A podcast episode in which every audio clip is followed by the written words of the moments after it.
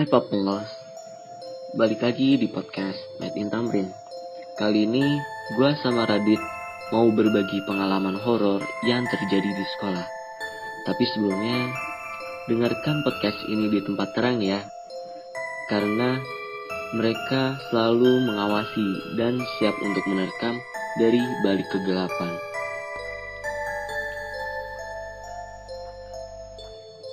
Lu tahu ini nggak?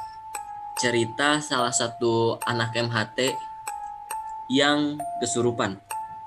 Gue sih pernah denger samar-samar gitu, tapi gue kurang tahu detailnya sih. gue tahu ceritanya soalnya waktu itu gue ada di crime scene-nya langsung terus kayak ya gue tahu sebagian dari ceritanya Ceritain deh. oke jadi eh, awal cerita ini adalah saat kakak kelas gue yang saat itu kelas 12 dan saat itu gue kelas 10 awalnya kakak kelas gue pas maghrib maghrib ada di ruang meeting 2 dia bareng pacarnya kayak ya nggak berdua juga sih kayak masih ada temannya. Nah terus tiba-tiba kakak kelas gue ini dia ngeliat ke lapangan terus kayak bengong lama banget. Eh, habis dia bengong kayak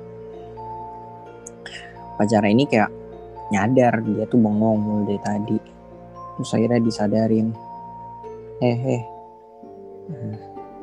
karena pacarnya kakak kelas gue ini takut. Dia akhirnya pergi gitu kan duluan. Nah si kakak kelas gue ini ditarik sama temennya terus diajak balik ke asrama gitu. Pas sudah nyampe di jalan merah dia tiba-tiba jongkok terus ngeliatin ke lapangan sambil nunjuk-nunjuk. Nah, eh, temennya dia ini kayak nggak ada clue dia kenapa. Kayak ah ya udah nggak apa-apa terus kayak disadarin diapain ditarik terus sampai ditusbol sama temennya. Ya sadar juga. Terus akhirnya ditarik sama temannya digeret ke asrama. Terus kayak dia nggak berontak gitu. Berontak dia pengen ke lapangan udah eh, akhirnya dia bisa nyampe ke asrama. Udah di asrama akhirnya si kakak kelas gue ini tidur tidur pulas banget. Nah in the meantime nih temennya habis mandi nih. Temennya habis mandi. Dia buang sampah di di depan jendelanya. Nah pas dibuka dia ngeliat ke bawah ada sosok kayak perempuan gitu matanya bolong. Langsung refleks dia langsung tutup. Jendela langsung lari sambil pakai anduk. Belum sempet pakai baju. Dia langsung ke kamar kakak kelas gue ini. Yang tadi eh, bengong terus cerita kalau di depan jendelanya tuh ada sosok perempuan gitu nah si kakak kelas gue ini yang lagi tidur eh tiba-tiba ngigo. Dan ngigonya itu kayak nyambung banget sama kejadian yang baru dia tadi lakuin. Dia bilang jangan gitu ego. Mau jangan gitu. Nggak boleh. Jangan diulangin lagi ya. Nah itu pada shock tuh. Itu pada shock langsung pada waduh waduh waduh udah nggak bener nih udah nggak bener. Nah akhirnya mereka yaudah mereka kayak beres-beres kamar yang sebelahnya. Terus eh, si kakak gue kakak kelas gue ini yang tidur ditinggal sebentar. Nah tahu taunya tiba-tiba kata kakak kelas gue ini dia cerita ke gue kalau pas dia bangun dari tidur tiba-tiba kursi yang ada di kamarnya belok ke arah dia. Terus terbang. Terus jatuh. Brak nah dia ini langsung lari keluar. Nah gue pas saat yang pas kursi terbang itu lagi ada di lantai satu. Gue ketemu sama kakak kelas gue nih yang udah akrab. Dia ya ngobrol-ngobrol lah. Terus akhirnya gue diceritain gini gini. Gini oh gue kaget kan. Akhirnya uh, gue ke kamar dia nih ke kamar dia. Uh, for your FYI si kakak kelas gue ini yang tidur sama yang tadi gue mau ajak ngobrol itu kayak satu satu kamar. Jadi mereka roommate. Nah akhirnya mereka eh akhirnya gue sama kakak kelas gue ini ke kamarnya ngecek. Nah tahu taunya si si roommate-nya ini udah nggak ada. Dia hilang. Terus dalam kondisi kamar berantakan gelap berantakan. Nah gue sama sama si dia ini panik kan. Wah hilang hilang oh si itu hilang. Nah pada panik tuh satu asrama. Terus itu kondisi tuh udah jam 11 malam jam 11 12 nah akhirnya tahu-tahu dia datang langsung cerita woi gua bangun-bangun kursi terbang. Terus kayak wah pada panik kan terus akhirnya dia dia juga soal mimpinya. Mimpinya ini tentang dia ke belakang asrama putri terus ketemu sama perempuan. Perempuan ini ngobak-ngobak daun, ngobak-ngobak sampah, terus nyari mataku mana, mataku mana. Nah, matanya dia itu kosong. Kalau di describe sama dia terus katanya matanya dimasukin sama sampah-sampah gitu.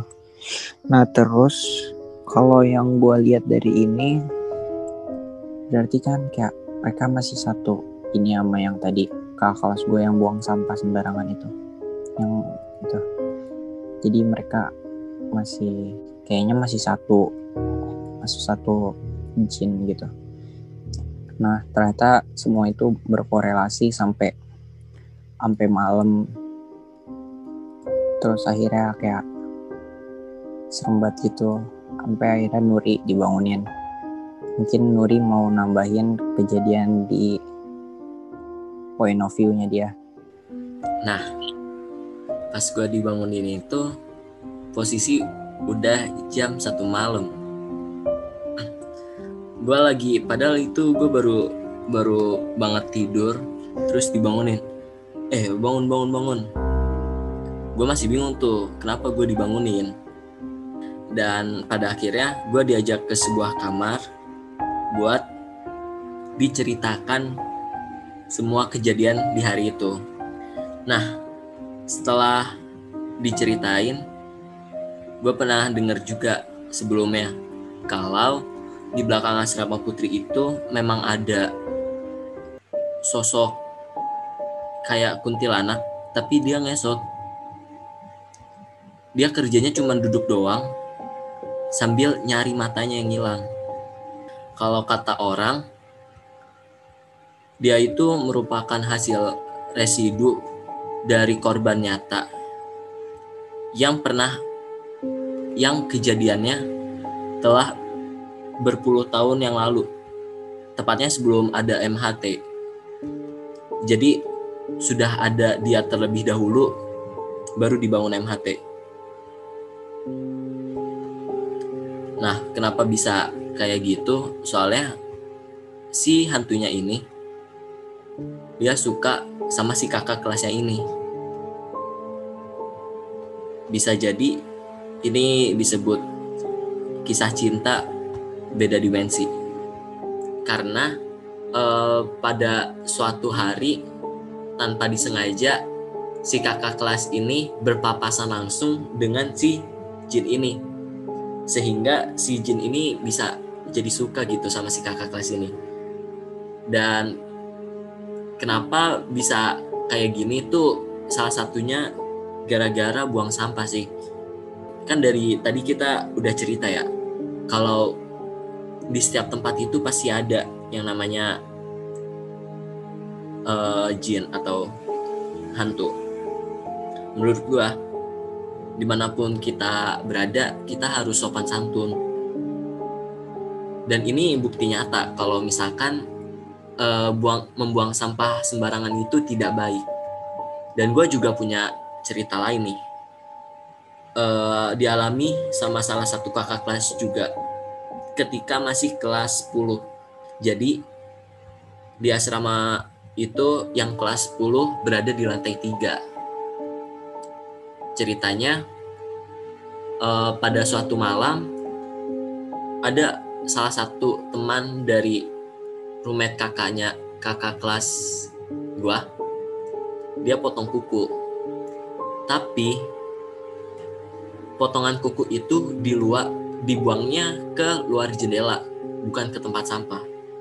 Nah keesokan malamnya itu dia membuang sampah snack lagi di jendela juga nah pada suatu hari ketika si kakak teman kakak kelas gue ini mau buang sampah lagi dia ngeliat ke bawah jendela. Di situ dia menemukan kayak tangan dengan kuku yang panjang rangkak naik. Kayak pengen menggapai jendela itu. Dan dari itu teman kakak kelas gue langsung teriak weh ini apaan? Siapa sih yang buang sampah di sini? Kok panjang banget kukunya? Terus pas dilihat sama temen yang lainnya? Ternyata ada sosok cewek dengan mukanya yang hancur dan berdarah-darah. Terus sama kukunya yang panjang itu lagi manjat ke arah jendelanya. Dan kita bisa simpulkan bahwa kalau misalkan lingkungan mereka kita ganggu dengan membuang sampah sembarangan, pun mereka juga akan marah gitu. Makanya kita harus tetap sopan santun dan jaga etika di mana pun kita berada. Oke, mungkin cukup sekian podcast dari episode 10 kali ini. Dengarkan podcast horor selanjutnya yang kemungkinan ada di tahun depan. Bye.